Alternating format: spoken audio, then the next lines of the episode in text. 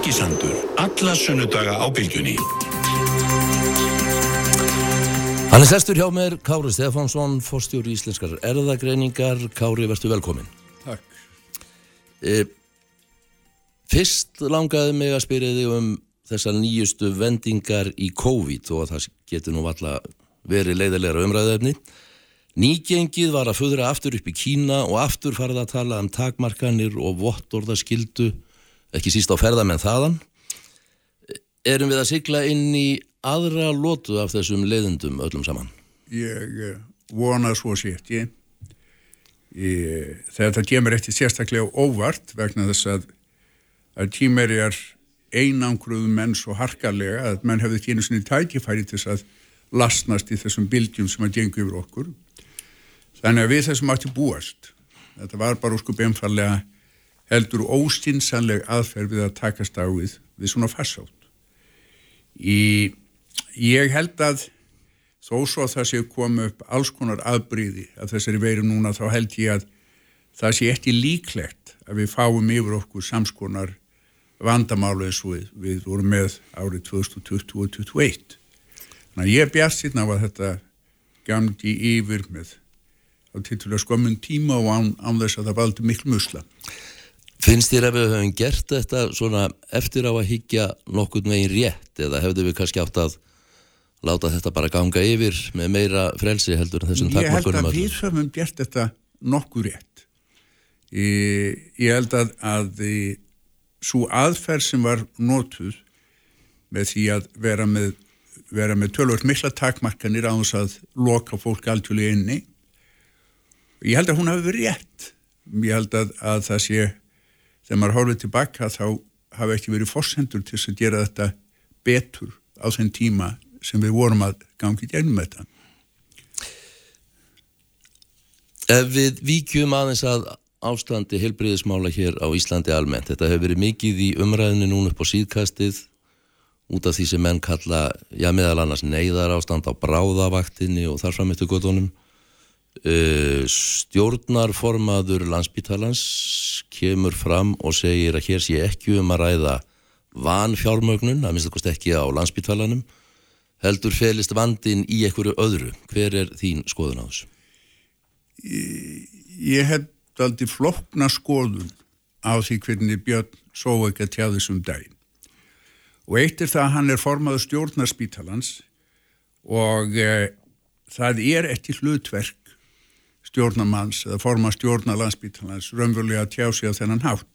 Hann er að grípa fram í fyrir, fyrir e, Rúnálfi Pálssoni, fórstjóra spítalans og það er óstinsamlegt. Ég held að Bitni hafi orðið að místök, ég held að hann hafi viljað segja að það veri fleira en fjárskortur sem djænti að á landsbytalanum en ég trúi því eftir að Björnsjóð þeirri skoðun að, að spítalan sé fyllega fjármagnar en þess að hann er það ekki. En það er hins vegar rétt hjá, hjá Bitni og það eru flesti sammálum það að það er svo ótal margt annað sem er aða spítalanum. Ég personlega til dæmis ég stíl ekki stil eftir því hvernig stendur að því að mennur er sífælt að varpa höndum til hefins út af bráðamáttökunni eins að bráðamáttökur er í eðlisinu alltaf á bráðamáttökur í eðli henn er alltaf kás og eins að þangað koma menni í ándissinni þegar einhvað hefur komið alvarlegt hefur komið fyrir. Út frá þessu verður yfirleitt með stúst af þeim spítunum sem ég vann á í bandreitjónum þá var bráðamáttökan alltaf í skringilegu staður þar sem að, að var erfitt að halda haus og vera lótískur en e, ég rekna með því að það sé rétt að, að enn sem komið er þá sé svolítið erfitt að koma sjúklingum af bráðamóttöku inn á legudildi sjúkrahúsins og það er vandi sem að er hægt að leysa. Er það ekki líka, kannski ekki vandi landsbítalans þar sem talaður um þennan fráflæðisvanda að koma fólk í í rétt innan gæsalappa sjúkrarúm? Fráflæðisvandin er ekki leistur inn á spítalanum mæntalega heldur fyrir utan Það fer eftir í hvernig maður stílgrænir sjúkrahúsið það segja að, að þú getur stílgrænt sjúkrahúsið þannig að það sé hlutverk þess að annars menn í, og konur að þið geti séð um sér sjálf. En e, það er líka hægt að, að það er líka hægt að stílgerðin að þannig að spítalinn hafi eftir öðrum stíldum að gegna heldur en, heldur en að, að sjá um hinn bráðamanda og þegar bráðumandin er búin að þá berir mannum að að hafa til taks hjúkurnar-heimili í elli heimili og svo framvegis. Það er meist ótti alveg ljóst að, að velferðarkerfið okkar e, sem er þessi, þessi gimsteit sem gerir þetta samfélag eða hefur gert þetta samfélag að við greiðar stað í djögnum áratvíina að það er farið að gefa eftir. Það er að segja að það er orðið mjög erfitt að því telja sjálf þessi trúum að fólk sé örugt í íslensku samfélagi á þess að þessi tiltulega vel fjáð og það er sátt Aðeins aftur af því sem Björn Sóvaka sagði, hann er ekki bara stjórnamaður eða stjórnaformaður landsbytalans, hann er forstjóri, já, eins stærsta sjúkrahúsins á Norðurlöndum, Karolinska í Svíþjóð. Uh, verður við ekki gera ráð fyrir að hann viti sínu viti þegar hann er að, að, að greina vanda spítalans Nú er verið að tala um að fjármagnan öðruvísi heldur en gert er, það er að segja að það sé verið að fjármagnan eftir þeim læknisverkum sem það eru runnin í skilgreindum einingum eins og farið er að gera á Karolinska. Þessar hugmyndur um það að, að, að, að fjármagna spítalan eftir, já, ég var að segja afkostum, fremur heldur en á föstum fjárlögum eins og gert er núna. Okay, ég held í fram að ef maður horfur á það frá sjónamið í velferðarkerfisins, þá er ég að fjármagna spítalans eftir þörfumanns ekki eftir af, afkvöstum. Ég held í fram að það væri dáti skingilegt að fara að fjármagna spítalan eftir hvað hann gerir margar mjöðmaskipta aðgerðir á ári. Þannig að þá er spítalan allt einu komin með, með kvata til þess að skiptum mjöðmalíði og öllum Íslendingum. ég, held að, ég, held að, ég held að við verðum að miða við að stilkjana þörf spítalan svo einhvern máta. Jújú, Björn Sóak er fórstjóri spítala út í Svíþjóð en það gerir alls ekki að verkum að við hefum að hlusta gaggrínislaust á það tilígur sem það kemur með. Og enn sem komið er hef ég ekki hirt hann komið fram með tilígur sem að myndi félagi sér galdralausn og okkar vandamáli. Björn svo ekki að var góður fórstjóri landsbítalans, ég vissum að hann er góður fórstjóri Karolinska. En þetta er bara, þetta er bara mjög flótið verkefni að halda utanum sjúkrahúsa eins og, og eh, landsbítalan og það er ekki gott ef þessir tveir aðilar, annars vegar stjórnmáfarmaður og hins vegar fórstjúri er ekki að tala í, sama takt. Og ég held að, að, að halda því fram að spítalið sé ekki fjármagnadur er bara röggl hann er vann fjármagnadur en hann er verið með mjög mítið af öðrum vandamálum. Það hefur til dæmis gengið illa að byggja upp þólanlegt í sko andrúsloftinu á spítalanum það menn eru ekki beinlis verkgladir eða kátir inn á spítalunum, það er eins og það hefur gengið illa að fá menn til að vinna sem, sem kraftmið til liðsheild. Gildir þetta um læknana? Aðalega um læknana. Aðalega um læknana. Læknanum hefur mistegist að byggja upp vinnu andrúslof sem gerir það verkum að það sé gaman að vinna á spítalanum. Það finnst fæstum gaman að vinna þar. Það er mjög misjáft eftir, eftir deildum, til dæmis hjartadeildin á spítalanum er bísna góð og ég held að menn séu þar svona kátar inn á flestum öðrum stöðum en að spítalans. Í, inn á spítalanum vinnur fjöldin allir á mjög góðu fólki og, og þú finnur valla betri lagna heldur en á spítalanum en þeir verða einhvern veginn að þeir verða einhvern veginn að byggja upp uh, liðsandar sem gerir það verkum að spítalan geti stílað því verti sem samfélagið allast til. Í, og um, spítalan er svo mikil miðja, svo mikil miðpunktur í, í, uh, í íslensku velferðarsamfélagi. Eins og stendur er þetta óásettanlegt. Það eru, eru litli hlut eins og vannýting á skurstofum sem að, uh, sem að meðal annars rættu sínir í því að menn hafa stílgreyndi verkferðla á mjög stífan hátt. Þannig að það er mjög erfitt að, að að íta verkefnum áfram á þeim hraða sem að, að samfélagi kallar á. Og við sýtum upp um þessu löngu byðlista og með byðlista fyrir njástýfta aðgerðir það hlýtur að vera hægt að bara stípula ekki átagsverkefni við ætlum bara að ljúka þessu. En einhver áður þetta vegna þá verðist þetta ekki ganga.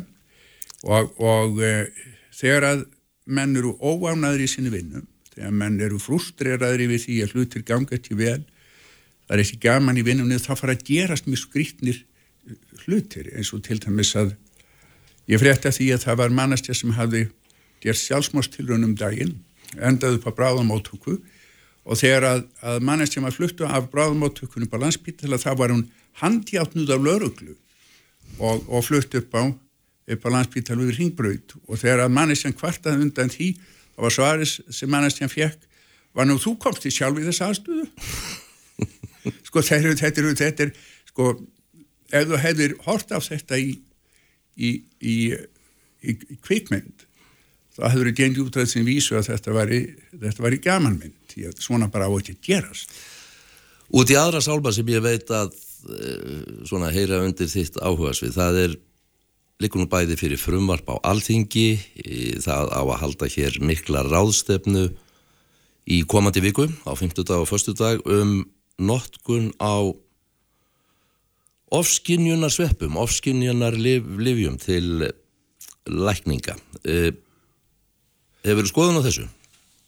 Ég, ég hef ég veit tölur um tíma að lesa um, um psychedelics eða hugvíkandi liv og saga þeirra er mjög mjög spennandi, skringileg.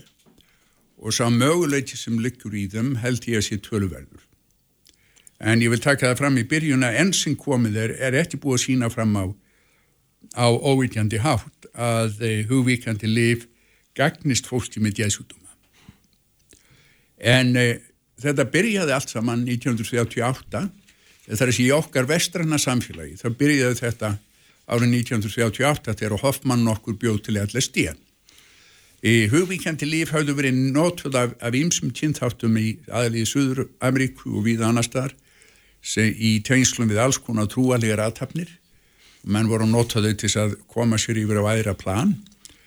En uh, Hoffmann þessi var að, var að uh, vinna í Sviss að, að reyna að búa til lifið djæðsjúktumum og lenda því að búa til ég gaf þann músum sem að örðu bara ósku brólegar þannig að hann gafst upp að því og, settu þau upp í hillu. Tók það síðan niður úr hillunu nokkur árum setna og tók stóran skamt af þessu.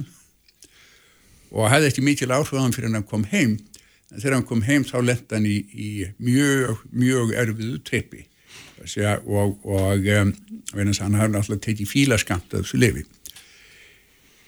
síðan fórum hann að prófa sig áfram með, með sílusapin sem er þetta efni sem kemur úr sveppunum til þess að meðfjöndla alls konar hluti og það voru gerð fjöldin allra klíniskum prófunum í fram eftir sjötta og sjönda áratöknum þannig allt í nú þetta var bannað. Man komast að þeirri nýðustuð að þessu hugvikandi líf var í stór hættuleg, það voru áanabindandi og þeir voru sett í sama flokk og, og morfín og heroin og þessi slæmu fíknilif sem er alltaf djársamlega út í högt.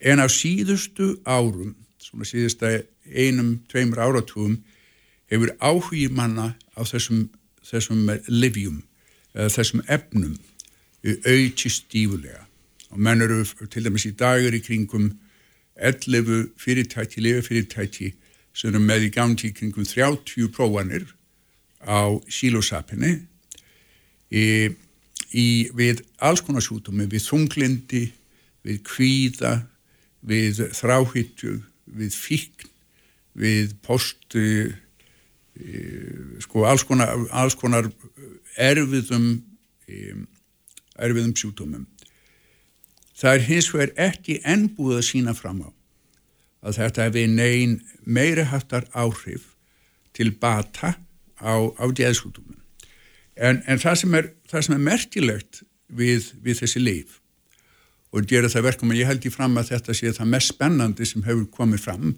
nokkuð tíman þegar kemur að, að livjafræði í djeðsjútuma er að djeðsjútumarnir eru flest allir sjútumar e, sem hafa áhrif á innihald meðtundar og getur stíft meðtundunni í tvo þætti annars vegar samspil, sveps og vöku og hins vegar innihald meðtundar sem eru hugsanir og tilfinningar það eru engin lífrömmurlega til í dag sem hafa bein áhrif á innihald meðtundar flest þessara livja sem eru, í, sem eru notuð í dag hafa raunverulega óspesifíska áhrif. Þannig að þegar þú er komið lif eins og, þú er komið lif eins og þessi hug, efni eins og þessi hugvíkjandi efni eða psychedelics, þá sem hafa bein áhrif og innihald meðtundar, þá er þú komið alltaf í hendurna sem er mjög spennandi. Þessi, þessi hugvíkjandi líf eru sem, sem flokkur er ekkert lítilt, þau eru bísna mörg í, þó að sílosapins, við skulum segja, er það, er það að þessum efnum sem, sem er leiðir þessa nýju sóknin í notkuna á hugvíkjandi efnum. Hefur það svipaða verkan og ellast í þeim? Það byrjast við sama viðtæki. Það byrjast við viðtæki sem er kallað 5-hydroxytryptamin 2A viðtæki eða, eða serotonin 2A viðtæki og öll þessi hugvíkjandi efni bindast við hann. Ellast ég bindst miklu kröftugar við þetta viðtæki heldur í sílusapinum og hefur þannig miklu, miklu beiri áhrif. En það sem gerist er að því menn fara römburlega á í ástand sem lítist því sem var kallað sírutripp hér í, í Galata. Þessi menn, e, menn verða fyrir ofstinjunum eða breytingu á, á stinjun og e, þetta er ástand sem endist kannski í svona 5-8 klukkutíma og þar sem er verið að nota þetta í þeirri von að þetta bæti menn þá er byrjað á því að fara með, með einstaklingin í gegnum aðlögunarferðli þar sem er fengið sálfræðingur til að hlúað fólki í kannski 5-6 stifti og síðan er sér til þess að lefið sér djefið eða efnið sér djefið undir mjög uh, vönduðum rólegum kringustæðum sé til þess að nummer eitt að sjúklingurinn sé í góðu ástandi sjálfur það er að segja að í eh, þokkalegu andlegu ástandi og síðan að það sé gert undir kringustæðum sem að auka líkur á því hann kom út úr þessu nokkuð vel. Og síðan er hugmyndin líka að sá sem tekur þetta e, mæti nokkra tíma hjá sálfræðin hjá eftir. Og þá er þetta stóra spurningin hvað gera þessi líf? Hvað er það sem gerist þegar maður tekur í sílosapin eða einhver önnur hugvíkandi líf? Og það er, það er ekki vitað í, í, það er ekki vitað í smáatröðum, það er, segja, það er ekki vitað nákvæmlega hvernig, hvernig efnið hefur áhrif á starfsemi heilans að hvernig það hefur áhrif á innhjald meðtundar en eina af kenningunum er að þetta lif mingi aðgang manna að fyrir reynslu Það er að segja að, að, að þegar þú ert að fara í gegnum augnablíkið. Við, við fæðum stöld með heila sem er, er umverulega óskrifa blad. Og til þess að byrja með þú ert að vaksa úr grasið þá áttu engum vandrað með að lifa í augnablíkinu vegna að þú ert ekki trublaður að fyrir reynslu.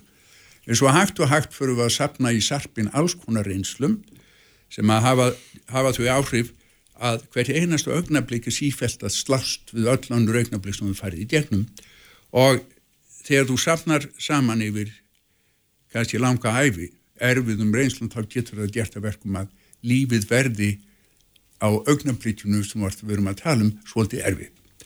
Hugmyndin er svo að, að þessi hugvíkjati efni blokki aðgang manna að þessari fyrir reynslu. Það er að segja að þau gerir það verkum að það sé auðveldar fyrir okkur að að, að, að einbeit okkur að augnablíkjunu. Hjálp okkur að lifa í núun. Já, en, já, já, í, mm. það, það er svona, það, það er nú einn ein vandin í öllu þessu er að mennur að blanda mikið saman annars vegar e, þessum e, lífræðilegu áhrifum sem að, að, að þessum efnum. Annars vegar hins vegar hugmyndum manna um svona spiritualism og svo framvís og það hjálpar ekki. Eitt af því sem að gera þetta ást, gera þessi sko lið náttúrulega gerur þessum lefjum erfitt fyrir í okkar samfélagi. Í, eða í þessum heimi sem er að reyna að búi til lif er að fólk er farið að nota þetta óspart út um allt. Í, er farið að koma yfirlýsingur um að þetta bæti sko heilsu fólks með jæsútum og svo framvegis áður en það er búið að sanna að þeir gera það. Og þegar þú er komið stóran hóp mann út í samfélaginu sem er að taka þetta á þess að sé búið að sanna þetta þá gerir það miklu erfiðra um, um vik að sanna að þetta virki. Og e, þegar maður bendur fólki á það þá er manni svarað með því kannski að það sé ekki rétt að endilega alltaf að fara með lifja þróun í gegnum þannan klassíska feril. Kannski samfélagi að ég taka sér þann rétt að gera þetta margs konar mát og ég er svolítið hrættur við það þannig að við því að búast að svona gamal stökk upp náindi sem er búin að vinna í þessu kjærfi mjög leginn geti ekki vænt um það en og það er hins vegar starinn að það þarf að, að, að sanna þetta og, og um, en, en það, þessar kenningar, það fullt af kenningum þarna um, um, um það hvernig þessi lið virki og, og síðan skarast þær kenningar á við kenningar mann um það hvernig heilin virkar sem að mér finnst mjög spennandi. Og til dæmis eina af þeim kenningum er svo að heila börkurinn hann eh, vinni eftir sem einn stór eining heldur samastandi heila börkurinn af óteljandi súlum sem ná frá yfirborði heilansina kvítefninu í súlu sama samastand af taugafrumu sem er hver frú ofan aðra og að, að þessar einingar séu sjálfstæðir og það er búið til heimsmynd á grundvelli upplýsingar sem kom í gegnum stínkerfið og að til dæmis ef við tökum þann hluta heilabarkar sem sér um sjón að þegar þú sérð einhvað þá myndir þessar súlir í, í, í heilabertinum sem að sér um sjón það myndir hverjum sig mynd af því sem ert að horfa á og það svo kannski svolítið ólíkar en síðan myndist að endingu einhvers konar samíleg mynd sem er það sem þú sérð og, og um, e, en, en það gerða með því að búið til módel af því sem ert að skoða. Þannig að þú horfir að, að til dæmis á þennan farsíma að það búið þess að, að, að súlu til, til e, módel af farsíma. Þannig að þú horfir bara á endan og símanum hér þá farður ekki nægilega miklar upplýsingar til þess að geta séða eftir sími á þess að þú hefur mótel. Ef hins vegar þú blokkar aðgang á þessu móteli og horfur á þetta, þú er búin að blokka það með því að taka ellert ég, þá getur þessi síma orðið fíl Já, nei, þetta er þegar, og, og í fyrsta lagi þá þá er þetta lítið annað en bara stjæftilega tjenningar því það er mjög erfitt að sanna þeir en ímislegt af því sem, sem mann er sagt af, um, af þeim sem að breyðja sílúsarpin og, og, og önnur auðvíkjandi efni þá er þetta kannski ekkit óstinsalir tjenning Áðurum við ljúkum þessu samtala okkar Kári aðeins að sjálfum þér, ég þarf ekki að upplýsa þig um það að þú verður 74 ára núna innan tíðar, er eitthvað farasnið á þér, er þetta húsum að hætta því sem þú varst að gera? Á segir það í fyrsta lagi þá kemur þér bara ekkit við, þannig minn, annum er eitt. Og í annan stað þá, þá bara einfallega geti ég eftir spáð fyrir um framtíðina.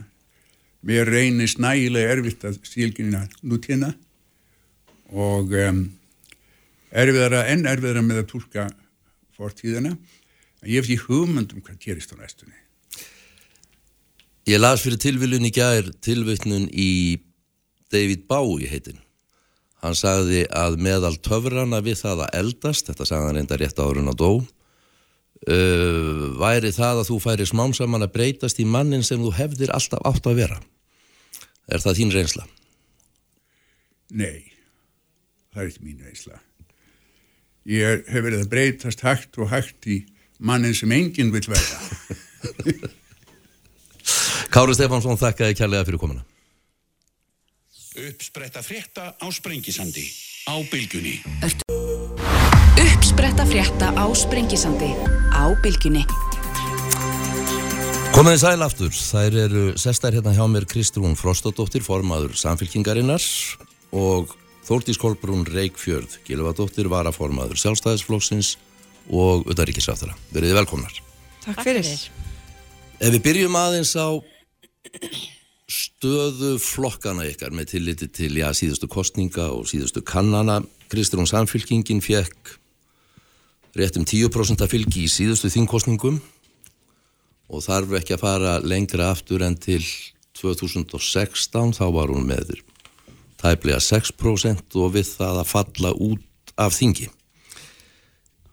Nú hefur fylgið samkvæmt konunum meira en tvöfaldast síðan þú tókst við forminskunni og komið yfir 20% og greinilega margir flokksmeðinir sem líti á því sem einhvers konar frelsandi engil sem hafi leist á úr álögum jafnvel. Er þetta meiri og skjótari árangur heldur en þú bjóst við? E, já, ég held að hreinskila svari sé já. Þetta vonast maður alltaf eftir að fá góð viðbröð og hérna það styrkir manni auðvitað byrja þeirri vekkferð sem maður er í. En ég get alveg viðkjent að svona síðustu síðasta konun kom mér uh, skemmtilega óvart.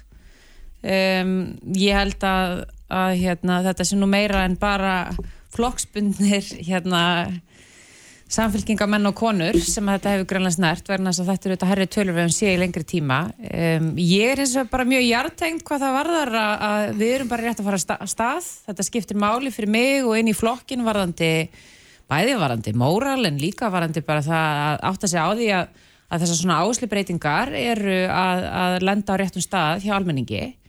En síðan þarf við auðvitað að skila þessu heim og það er alltaf stóra baráttan það eru eins og er að minnstu kosti nokkur ári kostningar og við þurfum úttalt og ég var mjög skýra því til að mynda því ég tók við formönskuna landsfundi að ég hef ekki áhuga á því þráttur að við séum augluslega í stjórnarhansstöðu þurfum að standa okkur í stjórnarhansstöðu þá það samfélkingin að sína það að hún sé stjórntækur flokkur, hún sé ríkistjórnar flokkur og fylgi sem við þurfum að fá og, og þarf að mælast þarf að vera ánægifylgi með samfélkinguna ekki bara ánægifylgi með ríkistjórnuna vegna þess að fólk þarf að sína að upplifa þegar það kemur í kjörklöfan ég ætla að kjósa samfélkinguna jafnaflokk Íslands til þess að stýra landinu þannig að það er svona stóra vekkferðin núna að greina það hvort þetta fylgi sé vonar, væntingarfylgi, ánægifylgi fylgjaði eftir þannig að það er ímislegt sem það þarf að gera næstu missurum sko Þórtís, kom þér þetta að þeirra á óvart þetta, þessi fylgisökning eða, eða þessi fylgisökning sem virðist vera hjá samfylkingunni núna í konunum? Mm, já, ég var svo sem ekkert búin að leggja höfuð kannski mjög mikið í bleiti uh, varandi það hvað nákvæmlega hérna, myndi gerast. En við sjáum vissulega yfir kjörtjöfambili, hvort er þetta kjörtjöfambili eða fyrir kjörtjöfambili að fylgi flokka eh, flakkar mikið og, og, og, svona, og ég meina það að vera í stjórnar andstöðu e, því fylgir ákveða svona frelsi og eins og Kristór bendur á stundum er það frekar ónægi fylgi og stundum er það hérna, ánægi fylgi ég var alveg samfærðum að, að hérna, fylgi myndi breytast. Um, og sko, ég meina eitt eru personur og leikendur uh, og það er svona hérna, og ég meina Kristór hún kemur fram og, og svona tala um ákveðnum hætti og allt það en það er þetta líka e, pólitíkin sjálf, ég meina þessu fyldi ákveðna stefnumbreytingar og, og fyrir, meina bara fyrir mig persónlega sem hægri sína borgarlega þengjandi stjórnmálamann að þá hérna get ég ekki annað, ekki annað heldur en bara glæðst við því að, að horfa á samfélkinguna svona færa sig frá því að, að hérna, ég meina hún var, hefur verið mjög mikið til vinstri uh, undirfæran ár, mjög mikið til vinstri. Og þrátt fyrir að, að hérna svona skattahækana hugmyndir og allskeins hugmyndir hafi ekki farið langt að þá er samt sko ákveðna áherslubreitingar varandi stjórnaskrá eða hérna overfókus á að gangi á Europasambandi og slíkt sem að ég get vel skilið að, að hérna fólk sem eru sósjaldemokrater í, í hjarta sínu sem að auðvitað mjög margt fólk á Íslandi er en það rekum við hér velferðarkerfi og það er engi flokkur sem vil kera það í kaf Uh, að þá svona að þýleitinu til kannski ekkert hérna sérstaklega. En svo eins og Kristún hefur sjálf sagt að þá eru þetta þrjá, þrjú ár í næstu kostningar og við hefum séð, ég minna, píratar eru risastórir hérna á þar síðasta kjörtjömbili ég man eftir flokki Lilju Mósesdóttur hérna samstaða, minni mig. Varð stór, varð síðan ekki ég er ekki að segja að samfélkingi verði ekki ég menn þetta er auðvitað kjölfestu flokku sem er á langa sögu og allt það. Um, þannig að það er ímislegt sem getur hérna gerst á, á, á kjörtíðanbílinu og, og fylgir flakkar á milli flokka bara eins og gengur. Tökum þetta eins Kristún, það varð ég byrði ykkur afsækja á röttina þetta er hálspólka og öndun að færa við sinna eitthvað eins og allir hinn eins og allir hinn Þetta er bara fyrir. Það varð hérna það urðu strax áherslubreytingar eins og þú ættist var að tala um. Þú færðir neðar á forgámslistan já svona kær mál samfélkingarinnar fram að þessu, það er að segja ofur áherslu á það að gangun í Evrópusambandið eh, stjórnarskrármálið og þú beinlinnist tókst það fram að þessi mál færu neðar. Mm -hmm. í, í, í, af hverju gerður þetta? Af hverju, af hverju fer fókusin af þessum málum og þú svona lækkar risið á þeim í bloknum? Sko eins og Þórtís kom inn á þá þrátt fyrir að samfélkingin sko samfélkingin er kannski ekki gammal flokkur í þeim skilningi að það stopnar í kringum aldamót en er, er svona grunnurinn á þeim er þetta svona kjölfestu flokkar um, og samfélkingin á að geta sínt það að hún er kjölfestu flokkur og breyður flokkur og á að ná til, til breyðsops fólks sem að þýðir flokkar sem eru ekki einsmálsflokkar eða stopnaði í kringum eitt eða tvö mál eins og eru til staðar líka í íslenskum stjórnmálum í dag þeir þurfa að forgansa eftir stað og stund. Og það er bara ábyrðar atrið og ef þú ætla líka að vera stjórntakur og fara ríkistjórn þá þarf það að sína spilin varandi það að vitandi að, að eins og flokkaflóran er á Íslandi og verður líklega áfram að þú ert alltaf að fara í fjölflokka samstarf þá þarf fólk að vita hvar flokkurum mun standa í aðranda næstu kostninga Mér finnst þetta heiðarlega nálgun kakvart kjósundum að fólk viti hvar við munum ekki gefa afslátt, hvar það veit, veit að það getur gengið að okkur og hvað ekki. Og ég held að það sé Eh, meðal annars eh, óanæginn sem hefur verið með kannski núna eh, ríkisöfnaða samstarfi, sérstaklega á þessu kjörtjumbili, er að fólk var að kjósa ákveðna flokka. Ég held að sko kjósundu sjálfstæðarsflokksins hafi fengið svona meira að minna það sem þeir báðu um þráttur að séu alltaf einhverju sem er ósattir en meðal annars frá svona flokkur og vafki kerðu á ákveðnum pólitískun skilabóðum sem þau hafi ekki náði gegn. Og mér finnst bara skipta máli að ég segi það bara skipt út. Ég tel að það sé bæði meir hluti hjá þjóði, þjóð og þing fyrir þessum málum. Það er neitunarvald hjá einu með tveimu flokkum í landinu sem er að í vekk fyrir ákvæmna breytingar þar og þetta er sem við setjum óttin sko, ég finn þetta heldur ekki algjörlega bara hjá sjálfur mér auðvitað kemur maður inn með hugssjónir og ástríðu og einhvern ramma og maður starfan innan gilda þessara hreyfinga, það gerir maður alltaf. En í breyðfylkingu sem að á að starfa í þáu almennings, launþega það áttu líka og þér ber skild að fara út og tala um fólk. Þetta var það sem ég gerði á árunu ég held 50 opna fundi talaði við, við, við þúsund manns á þessum fundum og þar voru bara ákveðin málefni sem kom upp á hverjum einasta fundi helbreyðismál húsnæðismál, atvinna og samgöngur. Þetta eru risastór málefni og ég er mjög meðvituð um að fara ekki þess, þessa vekkferð og láta mér færast og mikið í fang. Og þess vegna var ég bara heiðarlegu fólk og sagði þetta þarf að vera forgangsætri Aðeins um, meira um breyttar áherslur áður við komum með öðrum málum. Þú skiptir út þingflósformaninu Já. Og er það vísbendingum breyttar áherslu nú með fullir virðingu fyrir Helguvölu og, og því sem hún stendur fyrir þá er á þetta svona ákveðin gerð af pólitík sem hún hérna stendur fyrir og svo sem sumir aðrir svona uh, í málum dagsins svolítið og það sem kemur upp og upp á komu mál. Fælst í þessu, í þessu skilabó líka um breyttar áherslur? Sko ég myndi nú kannski ekki, ég veit að fólk er mjög gaman að því að lesa í svona personar leikundur þannig ég skil alveg að fólk fari, fari í þá átt en grundvallar atriði í þessu var, ég menna, augljóslega er breytt leikskipla, ég menna, það var bara, það er alveg ný fórustæð í floknum, uh, formaður, varaformaður, rítari, formaður, framkvæmtastjórnar, gjaldkeri, það er allt nýtt í floknum þó að sé fólk sem hafi mikla reynslu innan flokks og við erum þarna með reynslubolta. Um, ég er líka þeirri stöðu, þeirri óvennilegri stöðu að vera með tvo fyrrum formenn samfélkingarinnar í sexmanna þingflokki. Þarna er gríðarleg reynslu staðar ég myndi ekki segja að sé erfitt að það bara breytir dýnamíkinni augljóslega og fólk hefur bæði augljóslega pólitíska og persónulega veikt. En, og nú segi ég þetta ekki af því einhver hafi óskað eftir þessu hlutverki, þetta kemur auðvitað allt frá mér, en ég sé líka bara að þarna er sjónamið sem að ég vil hafa með, ég menna Lógi hefur gríðarlega reynslu, hann gerði mjög gott með flokkin á því tímabili sem að hann, hann hérna var formaður Uh, hann er líka uh, þingmaður í öðru kjördami en ég, uh, hann er í norðaustu kjördami og kemur með aðrar áherslu líka þar einn. Þannig að partur af þessu eru þetta líka bara dýnamík í hópnum og, og, og það eru þetta bara grundvallar atriðið í þessu. Þórtís, aðeins stöðu sjálfstæðisflóksins. Í kostningunum 2009 þá skallan á botnin í svona sögulegu tilliti, mm -hmm. fekk minnst að fylgi sem hefur þá fengið, eða hafði þá fengið í sögursinni og þetta var beint í kjölfarið áhruninu og nánast allir, og jáfnvegulega margir flokksmenn sjálfur, vildu kenna sjálfstæðisflokknum um hrunið. Mm -hmm. Þá töldu líka allir að leiðin gæti bara leið upp á við frá þessu fylgi 2009. En flokkurinn er ennþá á þessum, já, grjótbotni, fekk í síðustu kostningum nánast sama fylgi og hann fekk 2009, kringu 24%. Þín skoðun á þessu, á flokkurinn sér enga vonum að komast neitt nálagt fyrra fylgi? Fyrri dýrðardögum getur við sagt.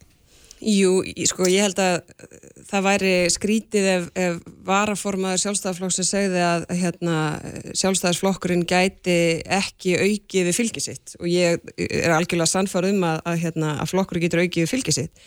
Hins vegar höfum við núna í mörg ár uh, verið mjög reglulega að tala um það að sjálfstæðis og, og það er auðvitað munur á því að sko, vera með markmið og setja marki hátt og segja heyrðu, að ég trúi því að miklu herri prósenda almennings í landinu uh, svona, tengi við þær grundvallar hugmyndir sem sjálfstæðisflokkurinn hefur starfað eftir og byggir á í, í nánast heila öld. Um, en svona allt tal um þetta sko, fyrra fylgi og sjálfstæðarflokkurinn á að eiga 35% fylgi, ég kann ekki við þann málflutning og mér finnst það ákveðin svona vanverðing við kjósendur. Uh, sjálfstæðarflokkurinn á bara ekki eitt niður neitt. Við þurfum auðvitað bara að, að hérna, sko, tala þannig, uh, taka ákvarðanir samkvæmt því, manna liðin okkar þannig, kjósa fórustu þannig og svo framvegis, sem fólk þá tengir við, málflutningin, treystir og svo framvegis og það hefur auðvitað bara gríðalega margt breyst í íslensku pólitík og allstæðir kringum okkur og það er ekki sér íslensk mál. Uh, við vorum hérna fyrir ekki löngu síðan með fjóraflokkaþingi, þeir eru núna átta, það er ekkit sem bendir til þess að þeim sé að fara að fækka aftur og þeir eru út með áttaflokka og þú ert alltaf með 100% mengi og þá deilur því átta en ekki fjóra og það leiðir þá af sér að það er frekar strempið að halda í, í, í, í þetta fyrra fylgi. Hins vegar sjáum við síðan alveg að, að hlutinir hérna, breytast og okkar hlutverk er bæði að tala skýrt, uh, halda því til haga sem hérna, gert hefur verið, halda því til haga hvað aðri valkostir þýða en líka að svona, þróast í takt við tíman og Meina, ég fæ gaggrinu auðvitað úr öllum áttum. Allt frá því að við séum hérna, hægt að tala sem hægri menn að við séum í samstarfi sem gerir það að verkum að, að hérna, útgjöld ríkisins blásu út, ég meina þau hafa aukist gríðarlega, ríkisútgjöld hafa aukist gríðarlega. Uh, hinum einn síðan finnum við þetta fyrir því og það er, það er ekki bara hérna, samfélkingafólk sem fer á fundi og það sem talaður um heilbreyðismál og frekari innviða fjárfestingar og allt þetta, ég meina þetta er bara það sem almenningur kallar eftir, að þessi hlutir séu lægi, að það sé áfram hérna, uh, gefið í. Og, og það sem að veist, mín, mín sín er bara þessi það er ekki öðrum um að kenna uh, hvernig fylgi sjálfstæðarflokksins er. Það er okkar verkefni að tala þannig að fólk tengi við flokkin. Við erum hins vegar og það er ágætt að, að hérna, sko ég meina við erum ennþá stæst. Við erum það á í landsmálum, við erum það svo sannarlega á sveitastjórnastíðinu, uh, við erum með flesta þingumenn, við erum í ríkistjórn og það er að mörguleiti, ef, ef að ég vildi fyrst og síðast auka fylgi í flokksins, þá væri auðvitað auðveldara fyrir okkur bara að fara í stjórnarnastuðu. Um, þurfum ekki að gera málumiðlanir, tala hérna, algjörlega skýrt um okkar hugmyndafræði og skora herra í könnunum. Um, en ég trúi því að af því að ég trúi því að sjálfstæða stefnan sé besta stefna fyrir Íslands samfélag að þá fyrst mér skipta máli að við séum í færum um að hrinda henni framkvæmt og það gerur í gegnum ríkistjórnir og þegar þær eru þrjár og það eru tveir flokkar sem eru hérna, ólíkir uh, okkur að þá leiðir það alls konar hérna, hluti af sér í, í stuðningi. Þannig að e, það er algjörlega ég er algjörlega sannfærum það að við getum hérna, bætt e, við okkur og, og, og inn í næstu kostningar verðum við með hérna, árangurslista á því sviðu og tölum við, við fólk. En við eigum ekki 35% fylgja ekki frekar en nokkur annar flokkur. En hefur samt sem áður ekki eitthvað misfarist ef það hefur ekki gengið betur að komast til skila sem flokkurinn hefur gert í þessum ríkistjórnum upp á síðkastið ef, ef, ef sjálfstæðisflokkurinn liggur enn í þessu botfylgi sem hann áði í kjölfarhundsins. Já sko ég meina mynd, myndi ég vilja að við værum með uh, herra fylgi að sjálfsögðu uh, finnst mér hafa mistekist við stjórn landsins? Alls ekki, mér finnst við En stjórn flokksins? Nei, ég meina, sko, já, það er auðvitað, sko, auðvitað flokksmanna að kjósa eh, fórustu og hefði þeim, hefði flokksmönnum þótt okkur hafa mistekist í, í stjórn, við stjórn flokksins og þá hafði, höfðu flokksmenn tækifæri til þess að kjósa aðra fórustu. Um, það fór engin í mótframbóði mig sem varaformann og ég fekk bara, eh, hérna, gríðarlega sterka kostningu á síðasta landsfundi. Uh, og, og, og tek því auðvitað hérna, lí, líka sem slíku að fólk treystir mér í fórustu flokksins Uh, í formannin var líka valkostur, meina, þar var valkostur og, og, hérna, og, og þannig að því var ekki breytt. Þannig að ég eru auðvitað ekki, það eru aðri sem geta svarað því hvort að hérna, við stjórnflokksins hafi eitthvað mistekist en, en þegar við bara horfum á verkin okkar, áherslur okkar og hvernig okkur hefur tekist að stöðla því að, að allar tekjutíðindir, allir hópar í íslensku samfélagi hafi bælt sína stöðu á okkar vakt fyrir utan sko sögulega umbyltingu í ríkisfjármálum undanfærin tíu ár. Uh, viðbót við hérna, innvið uppbyggingu í öll helstu kerfi fjárfestingar í, í hérna, rannsóknum allir þessi þættir sem er það sem byggir upp stert samfélag þá er ég gríðilega stolt af verkum sjálfstæðarflokksins Hér verðum við að gera örstu hljér fyrir auglýsingar. Við komum hérna aftur um efnahagsmálun og fleira rétt á eftir Sprengisandur, alla sunnudaga á bylgjunni. Uppspretta frétta á Sprengisandi á bylgjunni.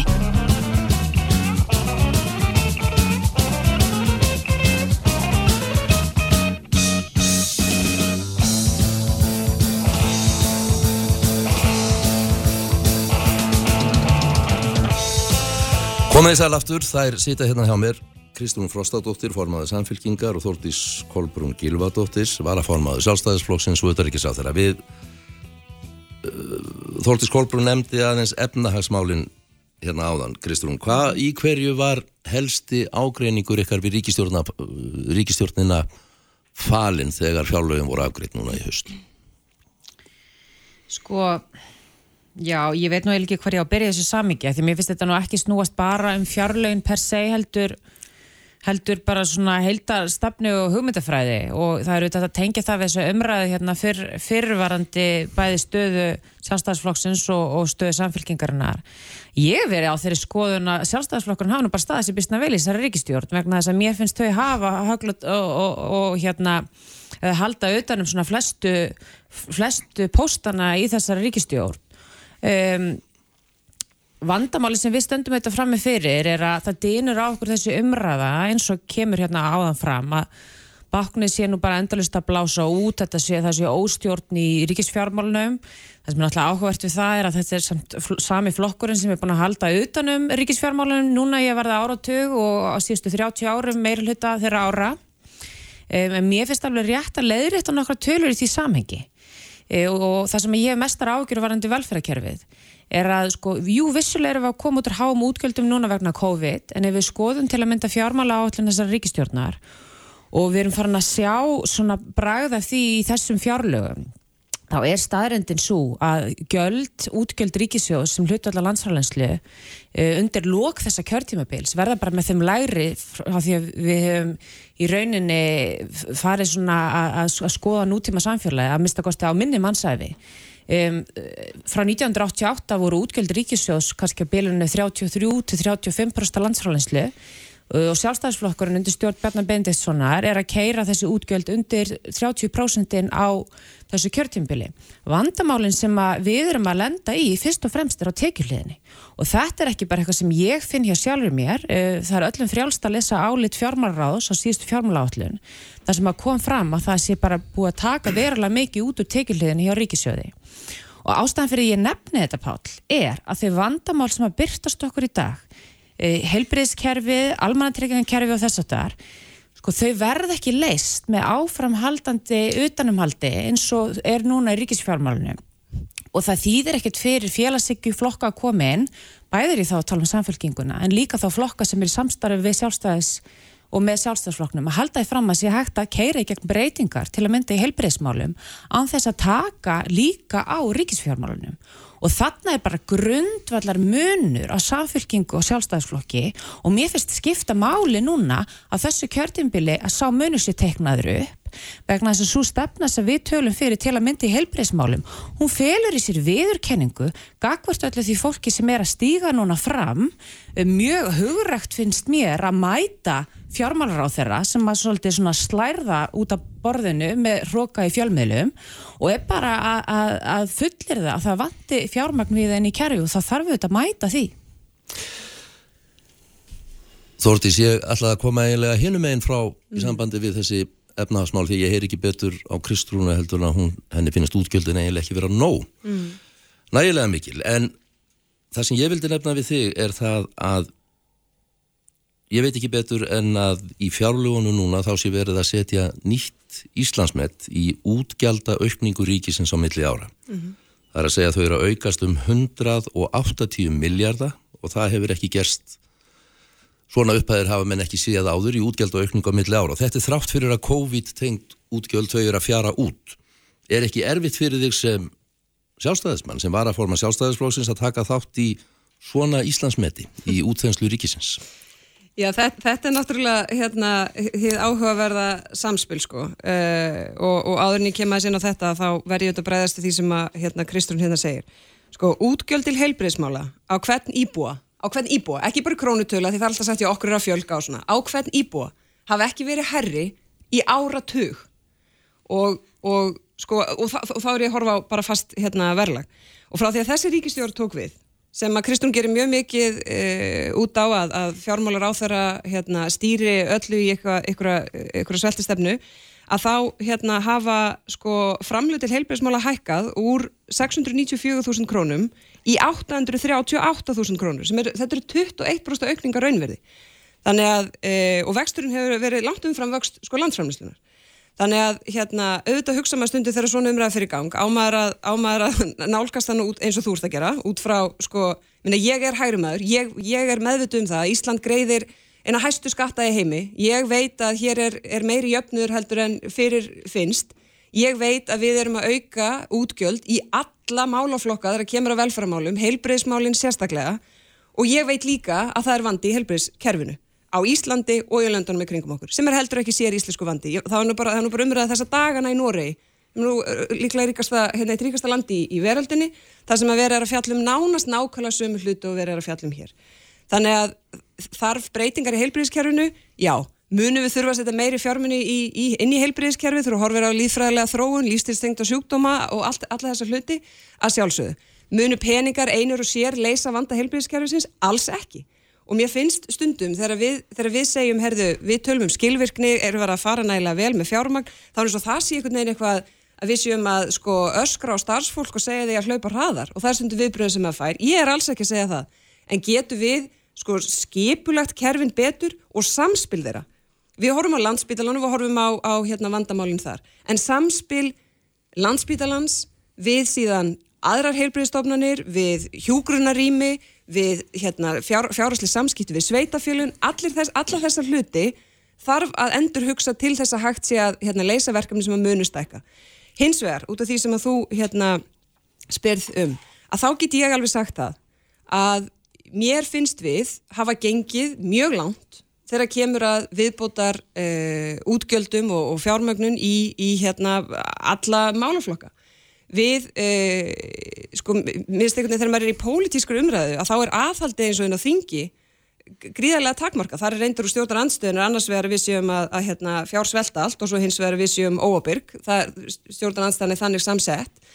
En, en hérna, einhvern veginn finnst mér fara mjög lítið fyrir því umræðinu að við erum að fara með annara manna fjö, jú þetta er sameiglegu sjóður, en við tökum þetta fólki sem að vinna sér inn fyrir þessum fjármunum og það er ákveðin, sko, mér veist bara ákveðin virðing fólkin í því að því sé haldið til haga og því sé ekki einhvern veginn glemt og það sé látið eins og, eins og við séum vond fólk sem er einhvern veginn ekki umhugað um, um velferð fólks af því að við viljum sko ræða það frekar og tryggja það að farið sé nægilega vel með fjármagnið að við séum ekki að sóa því óþarfa sumstæðar ríkiskerfinu sem við erum sannlega að gera eins og öll samfélag og þú getur hérna og það fyrir lítið fyrir þeirra umræðu. Þannig að hérna ég sko við, ég meina COVID er eitt sko tímabil, við erum endar ennþá að setja hérna viðbúta fjármunni sem er mertir eru COVID tótt COVID sér búið, meina, það gerðu við í, í hérna uh, álagsgreislum fyrir starfsfólkina á landsbítalanum sem að segja mér auðvitað þegar við vorum ennþá að teikna upp COVID sem vandamál hérna, aðal, vandamál landsbítalans á sínum tíma í lok hérna faraldus að þá var COVID eitthvað skona kannarfugl. Vandin var ekki í tengslu við COVID heldur, er þetta bara fjölþættur og flókin vandi sem þarf mikið samstilt áttak til að leysa? Aðeins meira um áðurinn hleypiðra Kristún að, að svara þessu þá vildi ég aðeins högva í þennan knérun í sambandi við þenslu, útþenslu ríkisins. Það var nefnilega annað með slegið á árunnu 2021 á fjölgaði ríkistarsmönnum um 1330. Mm -hmm. Þetta jafngildir öllum starfsmjönum allra álverana þryggja á Íslandi, bara fjölgunin hjá ríkinu á einu ári. Þetta er besta fjölgun líka síðan byggðarstofnun fór að bera þessa tölu saman. Eh, Svo er hægt að taka stögdæmi að því þú varst að tala um ábyrga meðferð á fjö almennings skattborgara. Ríkið var að tilkynna um þá ákvörðin sína ekki alls fyrir löngu að kaupa skrifstofu húsnaði fyrir stjórnaráðið. Þitt ráðuniti. Fyrir 6.000 miljónir króna. 6 miljardar í dýrasta skrifstofu húsnaði á dýrustu lóð á Íslandi. Er þetta góð meðferð á almannafíð?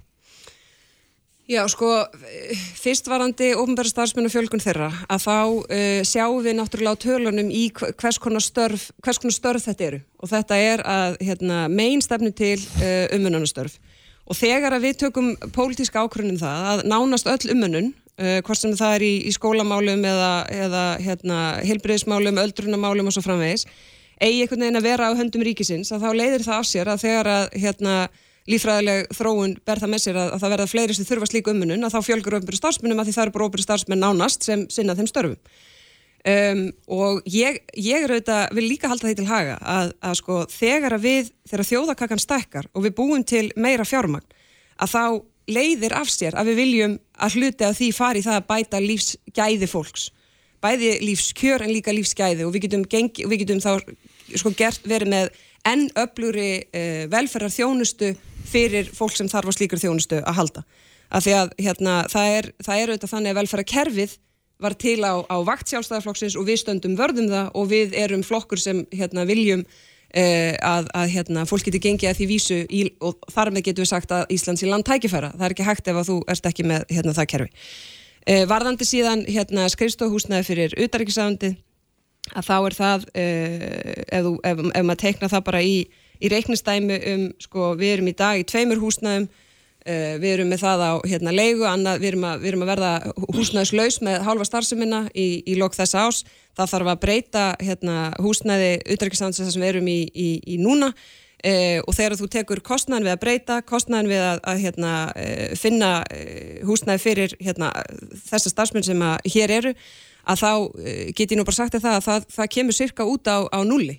En ég er ekki haldaði fram að miðbar Reykjavíkur sé ódýrt, hérna, staður til að vera á, en, en við erum með stjórnarská sem bindur það að ráðanöyti séu í, í Reykjavík og, og hérna, við fórum í físileika, menn þessi vinna fór alltaf stað lungu fyrir mína tíð, að þannig ég kem inn í ráðanöyti og var búið að vinna komið mjög langt uh, varðandi landsbankahúsi þegar ég kem þangað inn.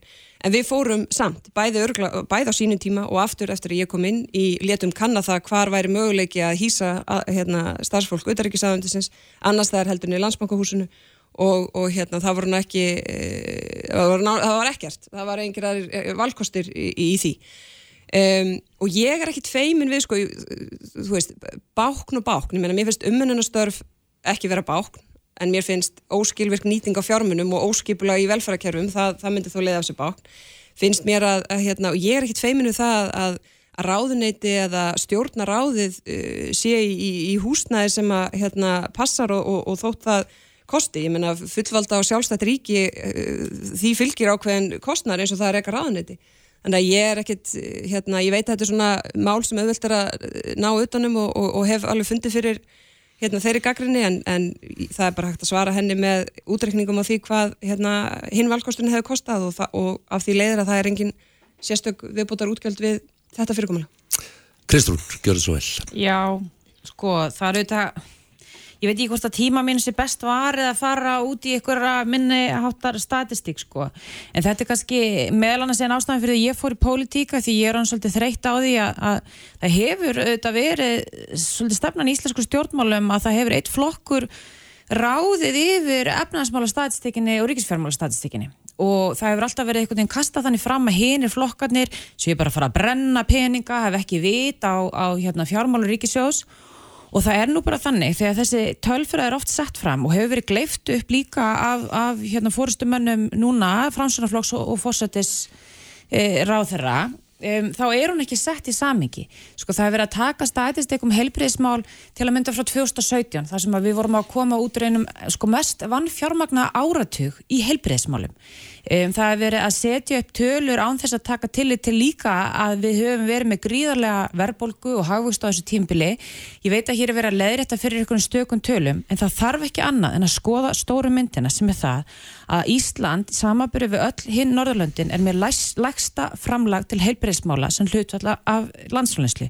Ég veit alveg hver mótrökinn þannig er, við erum í yngri þjóðu alltaf, við erum líka strjálbílasta þjóð í heimi. Það er allt dýrara á Íslandi, launakostnæður er herri hérna, fluttningskostnæður fara á milli staða, þetta er ítrekkað Eh, rögrætt eh, eða sett fram og réttlega til dæmis í umræðum við kostna launafólks að það sé bara dýrar að vera á Íslandi. En að einhverju ástæðu þykir það eðlilegra við sem að reka okkar kerfi með ódyrra hætti en í þessum löndum í kringum okkur. Síðan er það líka annað trikk sem hefur komið inn í þessari ríkistjórn og það var ákveðið að fara af auknum kraft í uppbyggingun í landsbytala allir flokkast eða það, þetta er eitthvað sem hefur staðið til í áratíu, áttu að vera laungu búið. En inn í þetta eru þetta háar fjárfestingar heimildir sem að fólki sem er að vinna á göngum spítalands í velferðarkerfnu, hjúgrunarheimilunum heilbyrjastofnum um alland þau finna ekki fyrir í dag.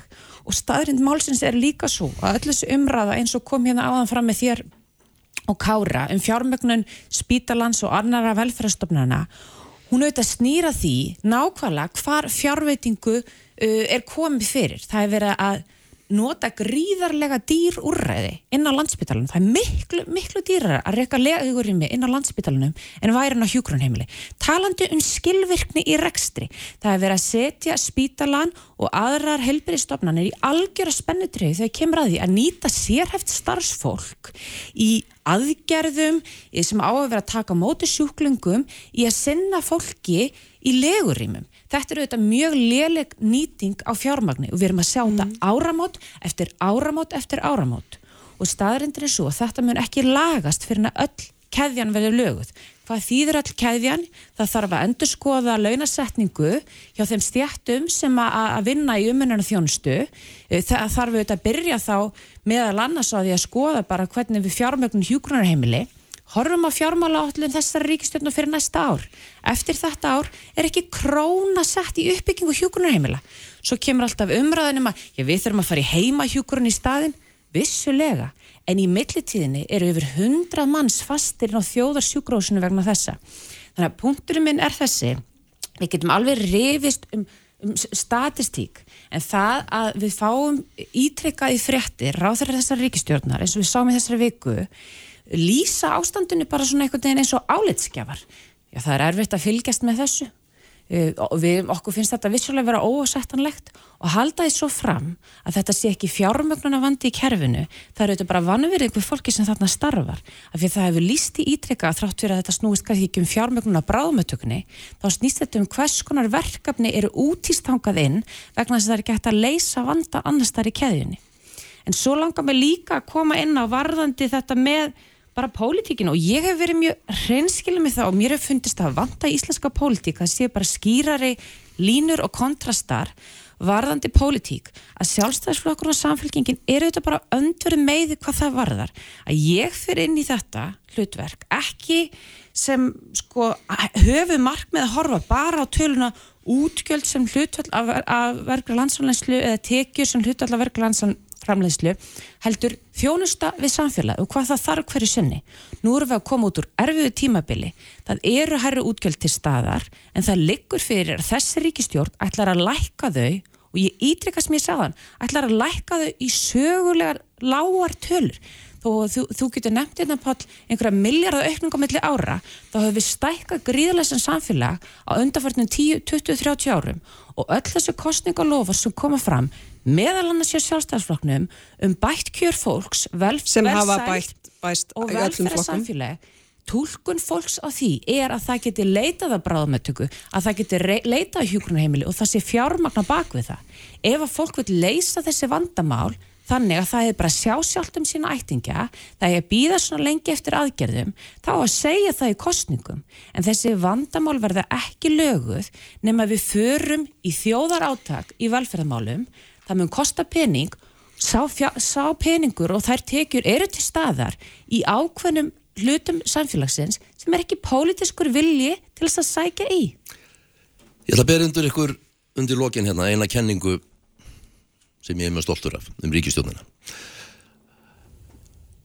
Ég vil halda því fram að það sé ákveðin eðlismunur á þessu setna ráðuneyti Katrína Jakobsdóttur sem tók við í hittifyrra og því sem var búið til 2017 þó að það séu sömu flokkar mestmegni sama fólkið, ríkistjórn og það felist í eftirferandi. Sú ríkistjórn var myndu með eitt svona yfirgrýpandi erindi, þá er ég að tala um ríkistjórnuna 2017, að koma á stöðuleika í samfélaginu. Þá var þessi pólitíski óstöðuleiki, hann var orðin sjálfstætt efnahagslegt vandamál, tvær ríkistjórnir höfðu föðrað upp í frumendir sínar á skömmum tíma og þetta gerði það að verkum að það var kleift að búa til þessa ekki sérstaklega rögréttu ríkistjórn með vinstri grænum sjálfstæðisfloknum var, og þetta tókst mjög vel. Það komst á þessi stöðuleiki það var hægt að leysa kjærasamninga það tóku hérna við lífskjærasamningar og uh, megin markmiði náðust. Og ágreiningsefni þessara flokka voru í miklu skjóli fyrir þessu yfirgrýpandi markmiði uh, og þetta held ég að hafa verið ástæðan fyrir því að, að allir, eða ef allir uh, þingmenn stjórnarflokkana vildu nákvæmlega þessa ríkistjón. E, síðan þegar þessu markmiði hafði, það hafði gengið mjög vel að ná þessu markmiði á fyrstu tveimur árunum að þá tökum við COVID og þá er aftur komið svona yfirgrýpandi markmið og ágreiningsefnin eru aftur í skjóli.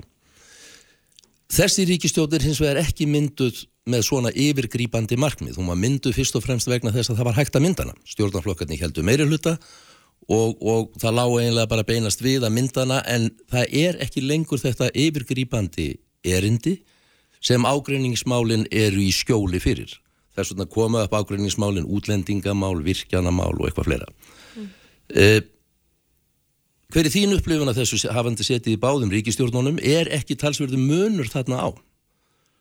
Það er að segja skjólið sem þessi ágreiningsefni voru í, í fyriríkistjóninni og er ekki fyrir hendi núna af því að þetta yfirgrýpandi markmið eða erindi er ekki. Ég er sammála og hef sjálf uh, alloft sagt það að það voru svona aðri kraftar og svona annað eins og þú segir yfirbræðið erindi 2017 heldur en uh, núna. Annar aðdraðandi, önnur staða og, og líka auðvitað bara mjög margt sem þyr, þyrti að gera óháð, menn þá vissum við ekki um COVID það var bara margt sem þyrti að gera og við vorum algjörlega meðvituð um ákveðin pólitísk mál sem er því mjög erfitt að setja á dagskrá. Þegar að tíminn líður þá auðvitað reynir á uh, og þá viðum ekki bara um, um hérna, sjálfstæðisflokkin heldur líka aðra flokka Uh, að, að geta ekki sett ákveð eða svona, e, það er erfiðar að setja ákveðin pólitísk mál á, á borðið. Og þú nefnir hérna virkjanamál það getur verið minna, svona kerfisbreytingar í hilbreyðiskerfunu sem fylgir sér frekari engarekstur eða kaupa á, á hérna, nýskapandi tæknithjónustu af engaðalum og svo framvegs um, yfir í vissulega líka einhver skattamáli jafnvel hérna útlendingamálana Eh, þannig að hluta til get ég alveg sagt, sko, jú, ég menna það, eru, það, það er annað yfirbræð yfir, yfir þessu núna heldur en var þá, en það breytir ekki því að eins og við munum eftir í aðdraðanda kostinga að þá sögðu við ef að hérna, þessir stjórnarflokkar fá áfram eh, umboð til þess að mynda ríkistjórnar nýju, þá munum við láta reyna á það. Og ég held að, ég menna, einhverjir sem kusu, kusu samkvæmt því, kusu einhverja þessar þryggja stjórnarflokka af því að þau vildu áframhald samstarf, áframhaldandi samstarf þessara flokka og, og hérna ríkistjórnum. Um, þannig að núna e, erum við áfram, ég meina við erum áfram með fjöldan allan af verkefni sem við getum saminast um og, og, og unnið áfram. Ég held hins vegar að það mun alveg reyna meira á ákveðin mál.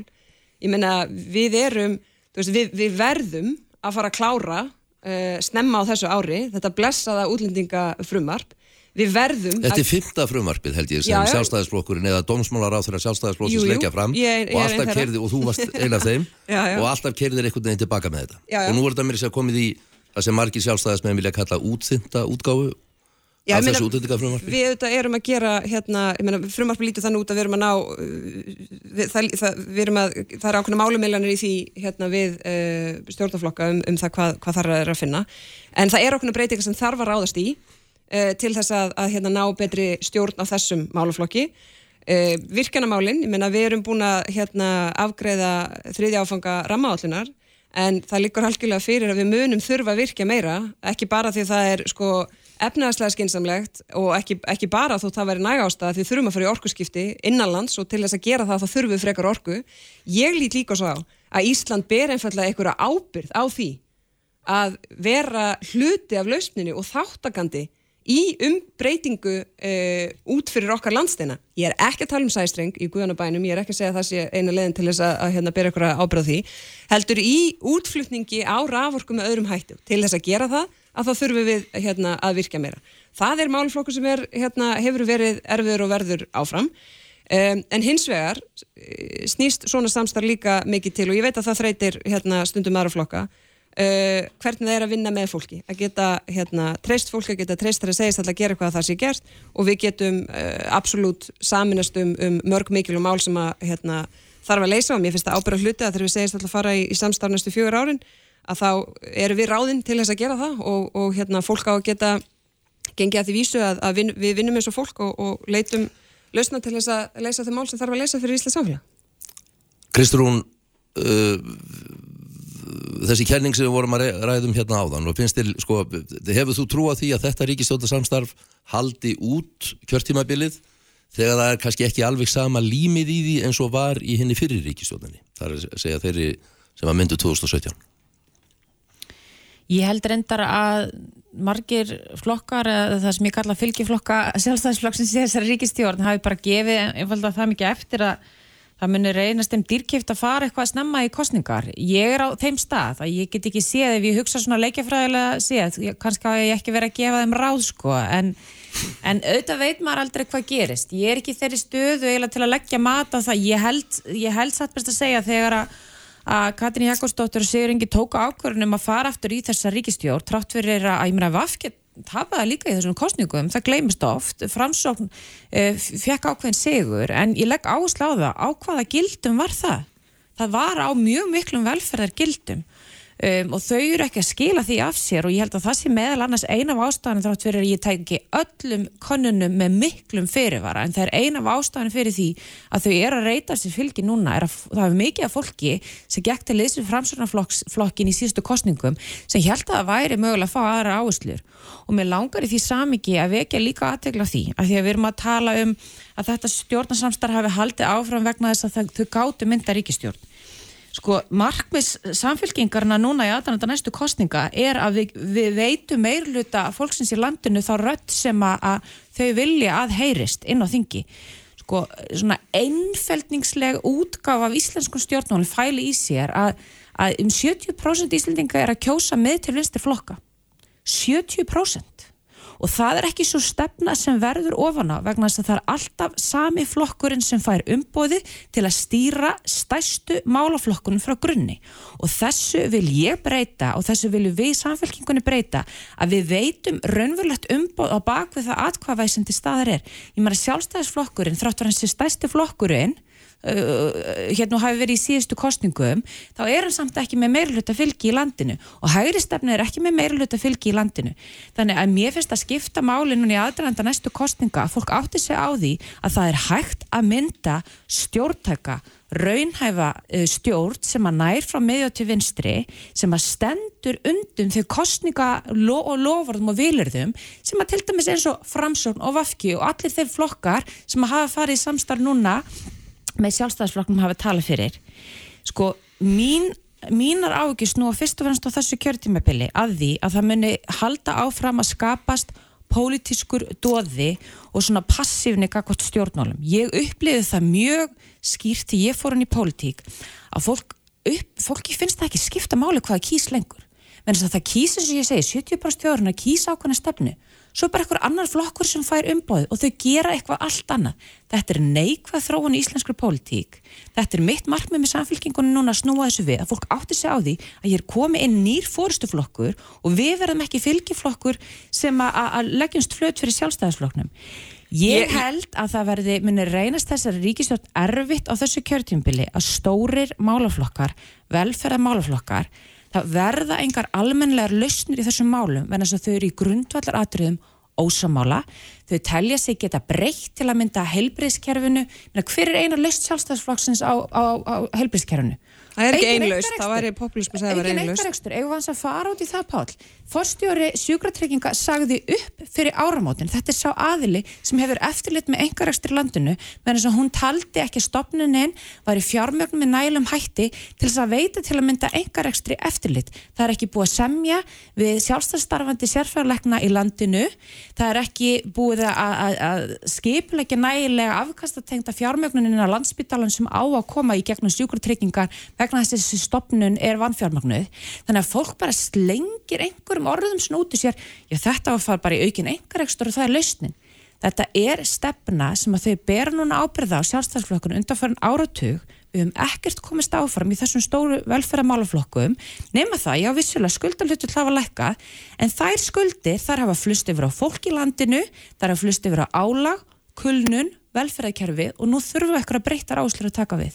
Þórti Skólbrun, þú far loka Ég ætla nú bara fyrst, að, ég ætla nú bara fyrst að nefna að hérna, ég held ég fari nú bara að byggja Kristjánu Frostadóttur um að mæta á fundi sjálfstæðarflokksins til að tala fyrir því hversu gríðarlega völd við höfum í, í stjórnarsamstarfu við höfum virðist hafa haft í alla hennar Ég tíma. skal bakka þið upp og ég, ég, þa ég þakka bara fyrir það hérna, því að þegar, þegar við mætum okkur fólki að þá finnst auðvitað eðlilega mörgum við gefa hérna, ljómandi gott. Svo er svo, er svo lítið tala hér sko ég, meina, ég, segi ekki þessi einlausn í helbriðiskerfinu en ég væri til að heyra það frá Kristrúnu hvort að hún telji uh, að hvort að hægt sé að leysa vanda helbriðiskerfisins án þess að auka einhverjakstur fyrir mér svarið við því algjörlega augljóst og það er nei. Það er, það er, ekki, það er ekki hægt annað en að nýta þá krafta sem eru þarna úti og skipuleggja með öðrum hætti og forgansraða það sem að verður að vera á hendi hins ofinbera, verður að vera á landsbítalanum og hvar við hleypum öðrum að til þess að tryggja það að fólk eigi rétt á þeirri þjónustu sem það greiðir skatta sína fyrir. Við erum búin að segja, þú átt rétt á þessu og þessu og þessu. Við eigum að geta, í mínum huga væri það betra skipulag ef við getum sagt að hvert og eitt okkar hafi einhvers konar tryggingu fyrir því að það geti sótt þessu þjónustu óháð því síðan hvar hún er sótt í ákveðnum tilfellum eins og til að mynda í, í hérna, öldrunarþjónustu eða, eða annars konar uh, heilbriðstjónustu. Þannig að hérna... Glemdu því samt ekki Þórdís að engarekstur er fjármagnar að hefði nú opum Ná, það, er- það er það sem ég að segja. Það er það sem ég að segja, því þegar við fyrir að tala um engarekstur þá, þá, þá er oft sagt ég að þið viljið enga væðingu og bara þeir sem eiga peninga getur komast að ríkun, ég er ekki að segja það. Ég er að segja fjármagnar að fylgja manneskunni það kemur úr sameilegum sjóðum. Svo eigum við að vera með meira svigrum til þess að geta hérna, tryggt að fólk geti valsist þá þjónustu sem hendar og það séu hérna, þetta svona hugvitarn og úti sem að komist að þessum stóru dýru kerfum sem við séum sameiginlega stöndum vörðum og viljum tryggja að sé sem best rekið og sem best þjónusta uh, veitt. Þakki ykkur báðum. Kjælaði fyrir komuna Þórti Skólbrun og Kristrún. Takk. Takk. E, Lokaspretturinn á Sprengisandi hér og eftir er um heimsmyndstaramótið í handbólta þar sem við eigum að enda á velaunapalli samkvæmt bestu manna yfir sín eftir augnablík. Kraftmikil umræða alla sunnudaga. Sprengisandur á bylgjunni. Hlustaðu hvað sem er. Hvenu sem er. Bylgjan. Kraftmikil umræða alla sunnudasmórna. Sprengisandur á bylgjunni.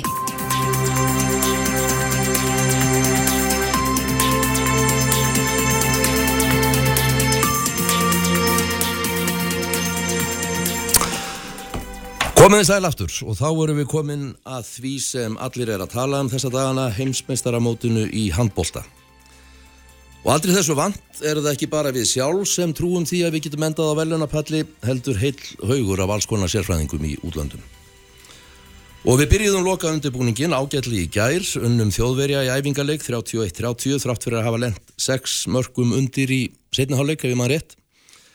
Og hingatíminn eru komin sískinin Guðrún Herborg Hergersdóttir og Grímur Hergersson og af hverju?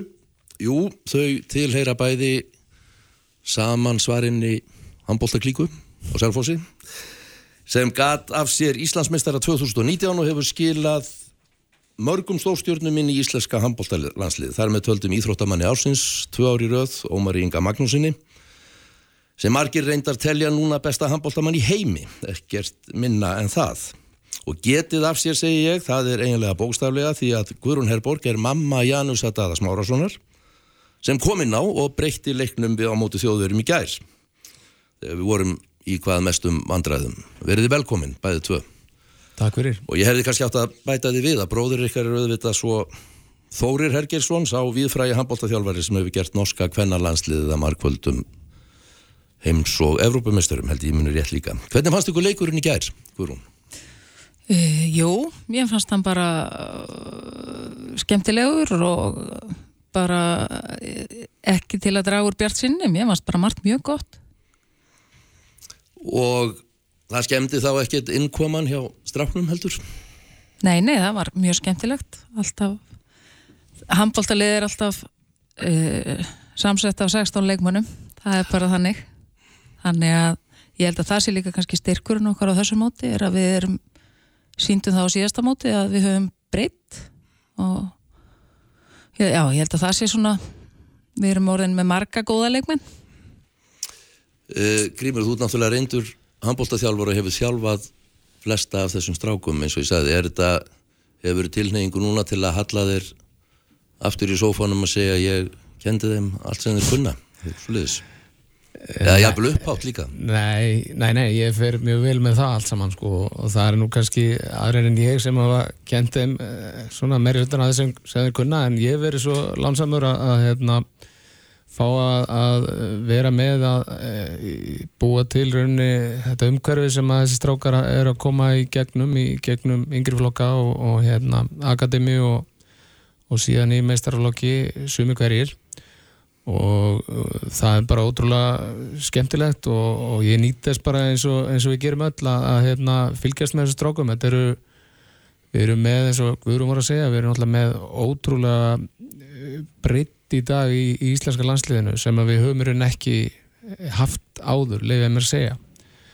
Og það sást best í gæri þessum, þessum leikamóti þjóðurum og hérna þetta eru ótrúlega öflugi strákar og, og það verður gríðalega spennandi að fylgjast með og bara strax í dag hvernig, hvernig hérna tekst til í leik 2 núna á móti þjóðurum og ég tala nú ekki um svo þegar móti bara byrjar á 50 daginn Uh, það töluð ímsir um það eftir leikin í gæra það hefði sí, að, að, að það hefði, við höfum sínt ákveðin styrkleika með því að vinna leik á móti þjóðverjum þar sem við vorum kannski ekki endilega að sína okkar besta og, og við höfum ekkert verið neitt sérstaklega góður í þessum leik, hvað fannst þér, Guðrún? Nei, ég, ég vil nú alltaf fara aðeins vala í svona æfingarleiki, svona öll liðin eru náttúrulega bara rétt nýbúin að hittast og það áörglega líka við um þjóðverjana. Þannig að hérna en mér fannst, mér fannst margt gott og þetta er ímislegt sem kannski á eftir að púsa betur en, en það er líka, er vonin að, að við svona, þeir spilir sér betur saman í hverjum leik, þannig að það verður gaman að sjá í dag strax hvað gerist hjá okkur, hvort að e, vörnir smetlu betur saman og, og annars líkt, þetta er ekki langu tími sem að liðin hafi undirbúningi í rauninni. Handbóltímabilið er einhvern veginn þannig að það er ekki margar landslýspásur yfir árið til að slípa saman lið. Þannig að við ætlum við höfum vendingar um að gerist mikið á hverri æfingu. Kenningi var svo grímur að, að við værum, eða sumir hafa verið að taka vara fyrir því að við ættum að vera svona bjart sínir með hérna framistöð okkar á þessu móti er að við hefðum vissulega sóknar getuna í það en við værum hins vegar ekki sérstaklega góður í vörn. Já, já, það, það eru einstaklega kenningar á lofti og hérna sko ég, við sáum það ekki að við sáum, sáum annars vegar í fyrirháleik þá sáum við varnarleik sem að var ekki kannski neitt eh, sérstaklega góður og eitt og annað sem, að, sem að var ekki að ganga upp í, í setni háleik sáum við allt aðra mynd og þá svona small vörnin og, og, og hérna Bjöggi kemur hann inn og hjálpar og þetta, þetta helst í hendur. En, en það er alveg rétt að, að hérna, það er gríðarlega mikilvægt að við náum að að þetta og vörnina og finna er rauninni taktin varnalega í þessu móti. Ef við gerum það og, og markvarslan fylgir með þá getum við farið mjög langt í þessu móti og, og jafnvel eh, alla leið ef því er að skipta. Ég er samfarið um það. Að við getum orðið hinsmestara sannsagt Já, við, það verður að þóra að segja það. Og hérna, það er þannig að, að, að hérna, við, við erum með, ef allt gengur upp, nú er þetta þannig að þetta snýst allt um það, ef allt gengur upp þá erum við með nógu gott lið í rauninni, í grunninn til þess að fara alla leið í úrslit. En það má ekki gleyma því þegar það er sagt að það eru fleiri liði í, í mótinu sem eru með nógu gott lið til að fara alla leið. Og þau eru daldi mörg. Þannig að það, það er spenningurinn sem, að, sem er í þessu. Það er hvernig þið gengur okkur að, að hérna, eiga við hinn góðu liðin. Ef við tökum dæmi af honum Ómar Inga sem hefur verið mikið í, í svisljósunu orðið markahæsti leikmaður í Evrópu hér ár eftir ár og, og uh, svona margir vilja setja á þennan stall að hann sé bara í rauninni besti handbóltamar í heimi í dag. Kom eitthvað tíma það augnablík þegar þið voruð að fylgjast með handbólta hérna þegar hann var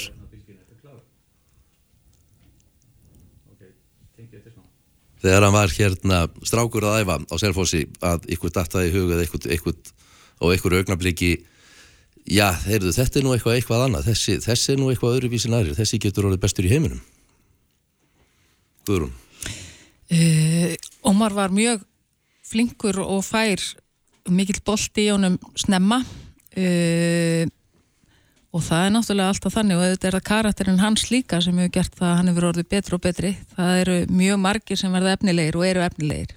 En það er líka mikið framlega frá einstaklingum sem þarf til að verða góður og bestur. Og það greinilega hann, já, grímun náttúrulega þekkir hann ennþá betur var með honum svona utan í liðinu alla yngri flokka. En hann var svona mjög efnilegur og, og hérna vann hörðum höndum að því að verða síðan gera eitthvað meir úr því. Grímur, datt þér eitthvað tíman í hugan gæti orðið bestur í heiminum?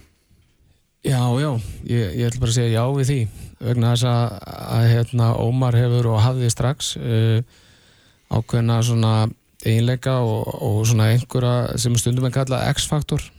Hann er náttúrulega hann er, hann er ótrúlegur íþrótamaður uh, hann, hann alveg í rauninni frá því að hann var bara smá polli. Þá var hann í rauninni þá mátti svona sjá það á honum að hann var að, að í rauninni að haga sér bara sem, sem tíu ára pegi á æfingum. Nánast eins og atvinnumæður hann var að taka auka hérna, endurtegningar hann, hann er með náttúrulega og hans stærsti X-faktor er náttúrulega þessi, þessi leikskilningur. Þar að segja þessi, þessi handbólta heili sem hann hefur ótrúlegt auga fyrir að lesa leikin, bæði varnar og sóknala hvað er að koma næst og svo framvegis og, og hérna þetta sást mjög snemma með hann. Og síðan uh, er hann þessi típa að, að hérna, hann næri að næri raunin að fara allarleið með þetta. Og það sýnir hvað hann er sterkur sko karakter sterkur í, í fyrir ofan axlir eins og stundum er sagt. Já, en nú er hérna nú sko, ég held að hans ég 1.86 á hæð sem tekið nú ekkert sérstaklega stórt uh, ekki, ekki, ekki sérstaklega hávaksin með að við það að vera skitta og hann sé náttúrulega ekki kannski síður gegnum brotsmaður að þá virðist hann einhvern veginn já, hann vinnur það þá upp með öðru. Já, klárlega og hérna boltin hefur auðvitað, auðvitað breyst og í dag í, í, í, í handboltanum í dag er ekki eins mikilvægt og það var fyrir, fyrir nokkrum árum að, að vera með þessa hæð sem að var alltaf að vera að tala um okkur vantaði hæð og allt þetta en við sjáum það bara það eru það er hellingur af, af leikmönnum sem eru á, á svona svipari hæð og ómar sem eru frábærir í dag hvort sem eru að spila sem skittur eða, eða annar staðar Janustadi Smárasson, þú ert á línunni hjá okkur, er það ekki? Jú, báðar. Gaman að heyri í þess. Eh, þau eru hérna mammaðinn og frændiðinn hjá mér að spjalla um HM. Já, já, já maður lostar ekki við það. Nei, þetta eru, eru sérfræðinga dagsins hérna í, á bylgjunni. Þetta var glæsileginn koma hjá þér í gæs. Já, takk fyrir það. Takk fyrir það. Já, já, það var bara gott að fá að spila og, og vinna og svo. Hvernig fannst þér þessi leikur annars? Það, við töluðum um það áðan og það var talað um það talsverst af sérfræðingum í gæri að, að það hafi sínt ákveðin styrkleika hjá okkur að vinna þjóðverðan að þrátt fyrir að við værum kannski ekkit að eiga okkar besta leik og ekkit sérstaklega góðis, framanaf. Nei, ég held að það sé bara nokkuð mikið til í sko. Þetta var svona, við vorum allan leikin eftir að fíla, um, fíla vörðina og svo svona klikkaði það eins, eða sérst fór það hérna að smerla hjá okkur og, og Björki var á samskapi frábær svo. En það er eiginlega svona breyti leiknum held ég sko. Og svo held allan leikin í sók þá voru að fá fullt að góða færum sko. Það er ekki svona þá sé ekki alltaf fallegt þá fengum við alltaf nokkuð, nokkuð fín færi. En Þetta er daldið kröftugt að ég held að flestir hafi kannski verið búin að gefa upp vonunum það að við innum minna leik, við vorum var þetta ekki meðjan setna hálfleik sem við vorum 6 mörgum myndir eða hvað? mm, Jú, hvað, það hefði verið 23-17 eða eitthvað. Já Máða ekki alveg, en hérna nei og bara frábært líka að, að ná að vinna líka fyrsta æfingarleik og svona smá styrleik í gangi og, og fyrir hópin bara að standa það saman sko. Það er hérna maður bara skemmtilega að vakna í morgumat og vítjufundi vera skemmtilegri og það munar líka um það. Hérna, hvernig líst þér á leikin í dag, setni leikin við þjóðverana, heldur að uh, eru við, sko, eru við að, eru, förum við inn í þessa leiki fyrst og fremst til þess að vinna þá eða eru við að prófa einhverja hluti og erum ekkert sérstaklega að pæli því hvort að við vinnum eða töpum? mm, e, Það er náttúrulega kannski við nú æfingarleikjum að við erum kannski aðeins lakar með að við, við, það þarf að testa ákveðna hluti þó að við séum kannski ekkit akkurat með það svona lokt inn sko en uh, þetta er æfingi að við alltaf bara að æfa okkur í að vinna og vinna okkur á það. Og uh, nei nei það er þetta skýrur það er uh, mismyndi menn prófaðir saman og svona í, í æfingarleikjum og, og hérna aðeins meira svona með opinn opin, hérna huga með þegar kemur að hvernig á að spila þetta en, en þetta er bara leikur þetta er sensti leikur nokkað fyrir fyrir alvöruna svo hérna e, við erum bara að tæma ykkur að það að taka, taka á þeim á, á fullu krafti Hvernig er svona, hæ Janus, þetta er mamma hvernig, hérna, hvernig er svona andin liðinu hjá okkur? e, bara frábæð sko Er það ekki? bara, við erum allir bestu vinnur og, og hérna óttalegi sprelligóð þar það er kannski Bjarki fremstur í, í hóp og e, ég veit ekki, þetta er einhvern veginn svona það skemmtilegsta sem við gerum Mm. á tímbilinu og, og bara léttir og já, við erum líka margir búin að þekkja svo ofuslega lengi. Við erum alltaf svo lítið land að, að hérna, það er allir sem getur tengt alveg way back svo. Þetta er aldrei svona alltaf bara já, hvað ég segja, ættamót sko. En Janus, grímur hérna blessaður. Já, sæl eh, hvernig, hvernig var morgunin hjá okkur? Er búin að vera vídeofundur? Heyrðu, nei, ég bara stend, við tókum morgumat klokka nýju morgun og, og svo var nú rólegt og e, síðan stend ég þarna með kaffibólar fyrir utan, við hefum videofund klokkan, klokkan eitt á okkar tíma, svo eftir 8 myndur eða svo.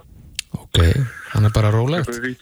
Já, já, tökum og hérna, e, fyrir svo bara beint í leik, það var náttúrulega gert að nota og, og, og fyrirpartinn náttúrulega í meðhandlun og svona með, með honum Jónubyrgi og, og hella okkar. Og flest allir búin að horfa örglega á leikin aftur og svona aðeins að fíla þetta svona, svona milli tveggja og þryggja kannski Eru þið, eru þið Ómar Herbyggsfélagandi búin að gera kvöldaskrá fyrir næstu, næstu vikur? Já, Spil og, og þættir og... Já, þetta, þetta er svona, við erum að leggja loka hönd á þetta og setjum þessum er ekki ær og, og hérna fórum aðeins yfir þetta og, Nei, nei, annars hérna vorum við að spila um daginn og töpum þetta fyrsta, fyrsta spilakveldinu svo við erum nú leitt undir Ég var að velta fyrir mér, Janus, að sko við höfum fylgst með stórmótum hérna í bísnamörg ár og, og oft talað upp svona væntingar og haldið að við værum svona í hópið þeirra bestu. Það sem mér fannst vera, eða finnst vera kannski óvinnulegt núna, við erum ekki bara því sjálf, heldur eru sko alls konar sérfræðingar í útlöndum að, að, að spá okkur velunasæti og jafnvel bara já, telja okkur eitt af þremur, fjórum sterkustu liðum heims upplifir þú þetta svona núna? Finnst þér, finnst þér þetta vera breyting að því leiti til að það sé að við eigum kannski meira tilkall til þess núna að teljast í hópi þeirra allra bestu heldur en oft áður? mm, Já, maður kannski tekur alveg eftir meira svona í, í fjölmiðlum og annað sko, það er ekki það en eh, ég held að það er svona kannski fyrst og fremst líka bara hjá okkur, hjá okkur sjálfum sko, nú eru margir að spila í í toppklubum í Európu og, og spila bara við erum með marga leikmann á heimsklassa. Og þessi vegferð okkar svona byrjaði, hefur verið doldið í mótun og, og byrjum doldið í fyrra alveg að fara hérna loksins að ná einhverjum úslutum uh, að vinna leiki sko. Og uh, ég held að sé bara eitthvað svona rosalega kröftu trú í hófnum að, að við séum með getuna og, hérna og bara allt, allt til alls sko. Um, að fara inn svona mót. Takk, svo, já, fyrir ekki nei, og svo náttúrulega bara getum við náttúrulega sagt hitt og þetta en svo náttúrulega bara fyrsti leikur móti Portugal og, og fara að taka hann á hann við fyrir að tala með eitthvað meira þannig að það er bara í Íslandri stöðu. Þakka þér kærlega fyrir spjalli Janus, ég ætla að sleppa þér á fundin og hérna gangi ykkur sem allra best bæði í dag og svo og enn frekar í framhaldinu. Takk fyrir Þeir spjallið. eru bara gott að hýra ykkur, segja það Takk. Bæ. Ætlið að fara út og fylgjast með? Já, við ætlum að fara á hérna við erum nú svo söl sko að við ætlum að fara á millir Já. þannig að við förum út átjönda og, og ætlum að ná þessum þremur uh, leikdöfum í millir og, Og svo áfram? Og já, það, það eftir eftir að koma ljós það er aldrei að vita Guðrún hefur farið á þessi mót? Já, ég hef farið á, á, á e, nokkur mót, fjögur, fimm mót eða svo. Alltaf jafn skemmtilegt. Þannig að hérna, já, við ákvæmum bara að vera bjart sín núna. Og hérna, enda því er ekkert annað. Nei, nei, en það er eins og Janus nefndi að, að sko það, það, er, það þarf að þóra að, tala um það að, að maður getur orðið unnimót og orðið heimsmeistari að komist langt. En þetta er samt alltaf gamla hérna tuggan. Þú verður náttúrulega að vinna í einu. Og eins og þetta er raðast upp núna þetta móti á Íslandi þá og Gummi hefur nú verið dölur að benda á það að þetta raðist allt í reyðlakefninni í fyrstu leikjónum Við erum að minnst okkur stekki með léttast af að margir segja erfiðasta riðilinn að vera með Portugal og Ungverjaland og Kóriðu þannig með okkur. Já, svona fyrirfram þá, þá er þetta, þetta eru sterklið og, og hérna, en við erum sterkir líka og hérna, það þarf bara að vinna þessa leiki, sem gerist ekki neitt skemmtilegt. Við vonum það besta. Ég þakka ykkur kærlega fyrir komuna og uh, óskum strákonum með þetta allsins besta í framhaldinu. Uh, förum að horfa á setnileikin við þjóðverja uh, og þar með höfum við runnið okkar skeið á Sprengisandi þennan sunnudaginn. Útsendingunni stýriði Ívar Halldórsson. Það var gaman að hlaupa hér í skarðið. Þakk ykkur fyrir að hlusta. Veriði sæl.